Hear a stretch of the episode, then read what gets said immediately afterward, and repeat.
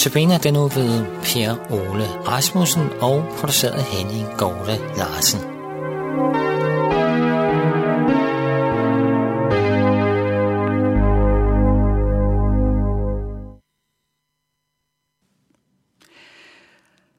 Rebekka elskede Jakob, fortæller Bibelen. Rebekka var Jakobs mor, så det var meget naturligt. Det, som ikke var så godt, var, at Rebekka og hendes mand Isak havde to sønner. De havde tvillingerne Esau og Jakob. Esau var ældst, Jakob yngst. Tvillingerne var det, vi i dag kalder ønskebørn. For Rebekka og Isak havde været gift i hele 20 år, før de endelig fik disse to drenge. Bibelen fortæller, at Isak havde bedt for Rebekka, fordi hun var ufrugtbar så mange år. Så de to drenge, Esau og Jakob, var ønskebørn, både for far og mor. Rebekka mærkede liv, da hun endelig blev gravid. Ja, hun mærkede mere end liv. Hun mærkede en kamp mellem de to tvillinger, hun var.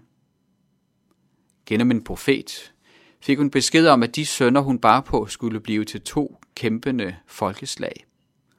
Og den ældste skulle være underlagt den yngste. Den ældste, Esau, blev født rød og lodden. Den yngste blev født med hånden omkring sin brors hæl og fik navnet Jakob. Den kamp, eller vi kunne sige rivalisering, som havde foregået allerede i fostertilstanden, blev forstærket af den favorisering, deres forældre udsatte dem for.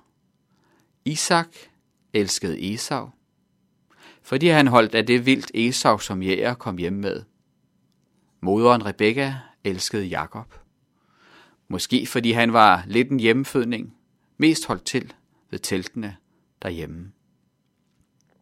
Sådan voksede de to drenge op og blev præget af både intern rivalisering og forældrenes favorisering. En meget uharmonisk familie må det have været. Rebekka elskede Jakob. Vi ved ikke hvorfor.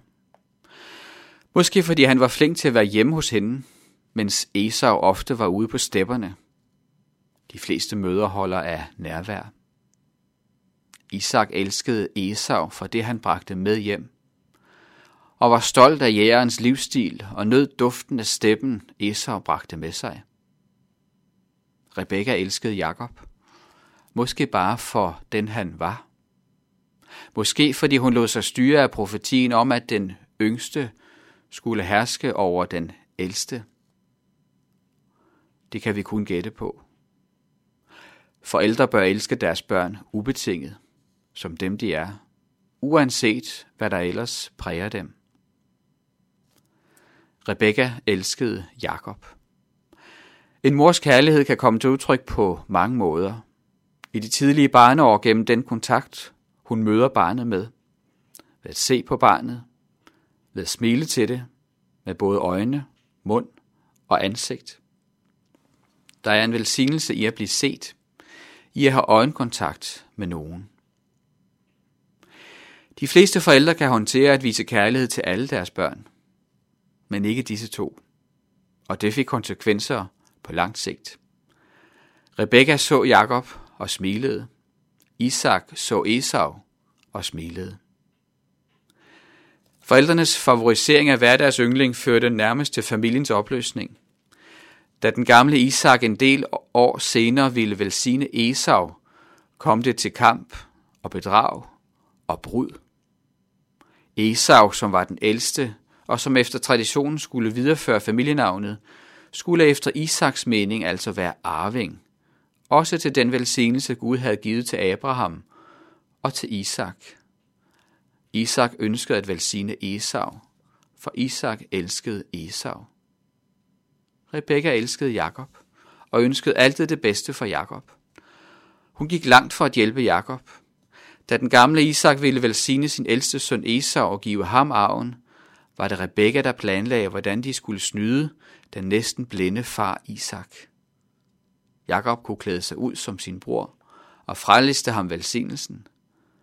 Rebekka tilbød endda at ville tage forbandelsen på sig, hvis noget skulle gå galt. Den forbandelse tager jeg på mig, min søn. Gør nu, som jeg siger. Så stor var hendes kærlighed til og favorisering af Jakob. Hun var villig til at ramme sig Isaks forbandelse, hvis noget skulle gå galt. Det gik, som hun havde planlagt. Jakob blev velsignet, men på grund af Esaus vrede måtte Jakob flygte hjemmefra, og fik nok aldrig mere sin mor at se. Han fik velsignelsen fra far at høre, men mistede sin mors velsignende blik. Rebekka elskede Jakob. Jakob hentede i mange år en stor del af sin bekræftelse og anerkendelse hos sin mor. Hans far så ham ikke og velsignede ham ikke, før han var blevet meget gammel. Vi har brug for at blive set og velsignet af vores nærmeste, af mennesker i vores omgivelser, men mest af alt har vi brug for at vide, at vi er velsignet af Gud. Amen. Lad os bede. Himmelske Far, tak for dit møde med os. Tak, at du møder os med velsignelsen i Kristus. Herre, vi beder om, at du vil velsigne vores hverdag, vores liv, vores nærmeste og de omgivelser, vi får lov til at leve i. Vi beder om, at vi må erfare din velsignelse. Amen. Herren velsigne dig og bevare dig. Herren lad sit ansigt lyse over dig og være dig nådig. Herren løfte sit åsyn på dig og give dig fred. Amen.